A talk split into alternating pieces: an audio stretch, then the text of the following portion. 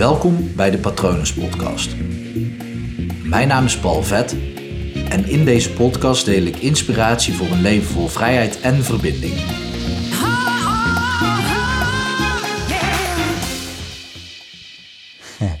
Ik neem net nu deze podcast op, deze aflevering, terwijl ik bijna in het ding trapte waar deze boodschap juist over gaat. Want, nou ja, ik ben ook niet perfect en ik trap soms ook wel eens in de dingen van het leven, de verleidingen van het leven, om zo maar te zeggen. Ik, uh, ik heb namelijk net een artikel geschreven en ik wil nog graag mijn nieuwsbrief gaan schrijven. Als je daar nog niet uh, voor hebt aangemeld, dan moet je even naar mijn website gaan om je daarvoor aan te melden. En dan stuur ik je wekelijks een nieuwsbrief toe. Um, maar goed, dat, uh, dat kan ook morgenochtend eventueel nog, of zometeen. Maar het opnemen van de podcast, dat moest gewoon gebeuren. Of tenminste, dat moet nu gewoon gebeuren. Want ja, die staat elke avond gewoon netjes online. En soms loop ik vooruit, maar nu loop ik eigenlijk op de dag synchroon. Dus dat ik hem nu opneem en over 10 minuten staat hij online. En ik merkte dat ik dacht, oh ja, maar ik heb ook een nieuw boek binnen. Dus dan ga ik daar eerst even in lezen. En dat is zo, zo herkenbaar, want ik ja, ben dus gewoon een beetje vermoeid. Wat logisch is, want ik ben vanochtend om 7 uur begonnen met werken en nu is het, ik weet niet eens hoe laat het nu is. Ik ben niet bij een klok in de buurt. Nu is het uh, bijna 8 uur. Dus ik heb, uh, op dit moment werk ik overdag nog uh, voor een baas. En daarna heb ik een cliënt gehad.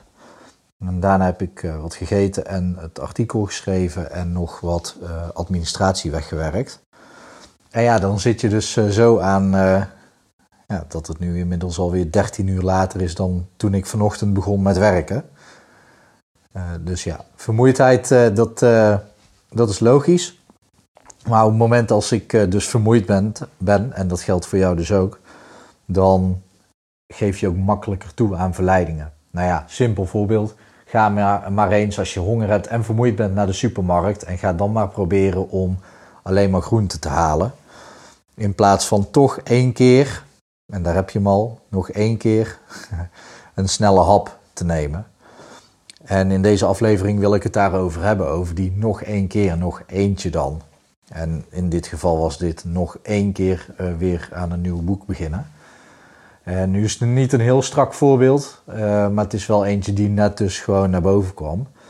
Uh, maar ik herken het vooral in, van de periode toen ik nog heel dik was. Uh, sorry dat ik het zo ongenuanceerd zeg, maar ik was gewoon dik. Dus geen sorry daarvoor. Ik, uh, ik had enorm veel last van overgewicht. Letterlijk, ik was er natuurlijk ook zelf verantwoordelijk voor, maar ik woog 120 kilo. En ik wilde gaan starten met afvallen. En ja, ik zei dan steeds: oké, ja, nog, nog één keer uh, dan ongezond eten en morgen begin ik. Of nog één keer uh, vanavond op de bank tv kijken. En morgen, als ik dan klaar ben met werken, dan ga ik starten met mountainbiken. nog één keer een ijsje eten. Nog één keer wat, wat chips naar binnen werken. En nou ja, dat, dat is in dit voorbeeld gewoon heel logisch. Er zijn zoveel andere dingen. Nog één keer shoppen. Nog één keer met de auto naar het werk in plaats van de fiets pakken. Uh, nog één keer bank hangen in plaats van uh, um, met vrienden afspreken of met je partner op uh, date night gaan, ik noem maar iets. En zo wordt eigenlijk nog één keer ja, die zin, of alleen al die gedachte, een heel groot gevaar, zo niet het grootste gevaar voor verandering. Want je wil graag veranderen, je wil graag iets anders gaan doen, je wil graag iets creëren in je leven wat er op dit moment niet is. Dus daarvoor moet je iets laten wat je nu wel doet. Alleen het, het, het lastige is dat op het moment dat je iets gaat laten voor een nieuw iets, dan gaat jouw systeem denken: oké, maar dan mag ik dat oude nooit meer. Dus dat voelt sowieso als dwang. Uh, maar dat voelt ook als verlies of zelfs rouw. En dat klinkt zwaar, dat klopt. Maar het is niet voor niks dat verandering soms zo lastig is.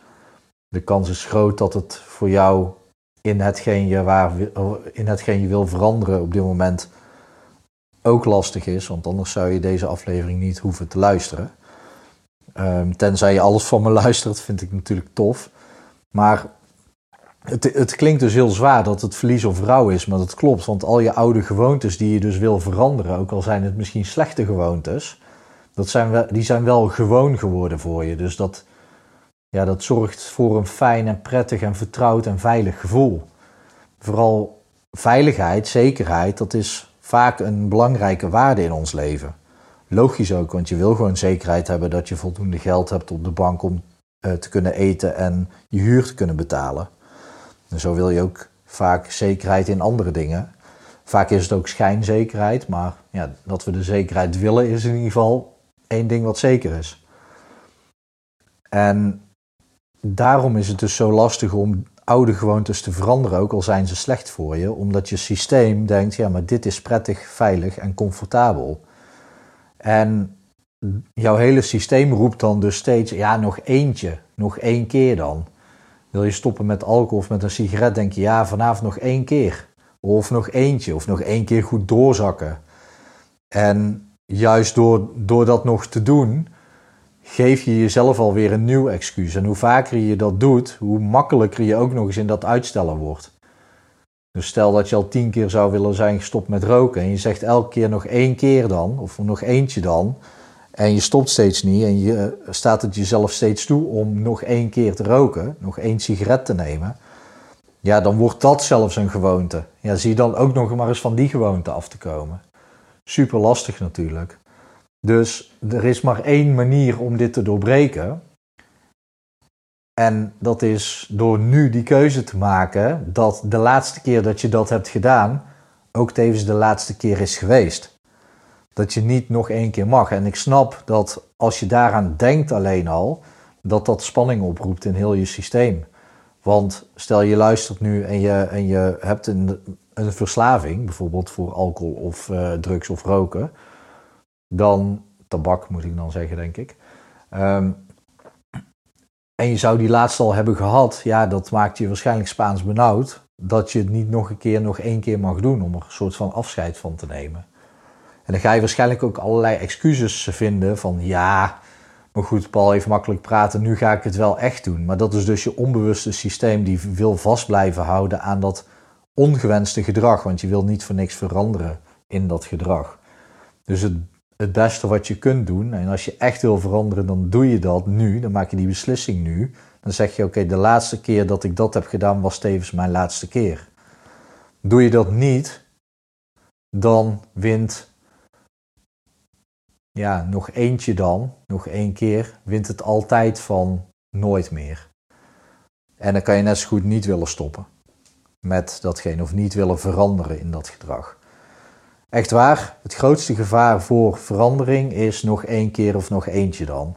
Dus wil je veranderen, dan zeg je nu, oké, tot hier, niet verder, ik stop nu. En dan is het wel handig om te beseffen dat je echt even pijn gaat uh, lijden. Dit is geen positief praatje, maar je gaat pijn lijden, want in die verandering, in dat veranderende gedrag, ga je even lijden. Maar dat doe je ook als je bijvoorbeeld gaat sporten en je gaat trainen. Dan ga je ook je spieren sterker maken door eerst je spieren kapot te maken. Dat is met verandering net zo. Je gaat eerst lijden en daarna ga je lijden. Dus eerst lijden met de lange ei, daarna ga je lijden met een korte ei. Dus leiderschap nemen, lijden, je leven leiden in plaats van dat je lijdt onder je leven.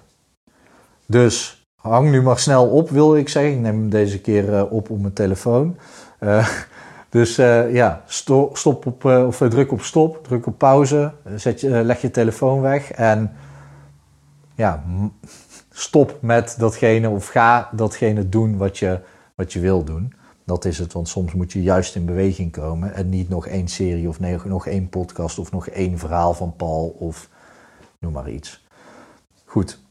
Um, wil je hier hulp bij omdat het gewoon echt niet lukt? Uh, hypnotherapie is een hele krachtige methode om verandering te creëren, omdat een oude gewoonte levert ook een bepaalde waarde op in je leven. En die waarde zal op een andere manier vervuld moeten worden om daadwerkelijk van die gewoonte af te komen. Wil je hier meer over weten, stuur me gerust een bericht. Ik leg het graag wat uitgebreider uit.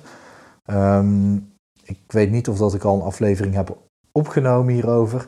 In mijn e-book Je Angst de Baas uh, vind je sowieso een hoofdstuk wat daarover gaat. Uh, dat gaat dan niet, ja, het gaat daar over angst, maar dat geldt dus voor alles. Dus lees dat boek, kan je gewoon op mijn website vinden onder hypnotherapie. En angsten kan je gratis aanvragen. Goed, ik hoop dat het goed met je gaat.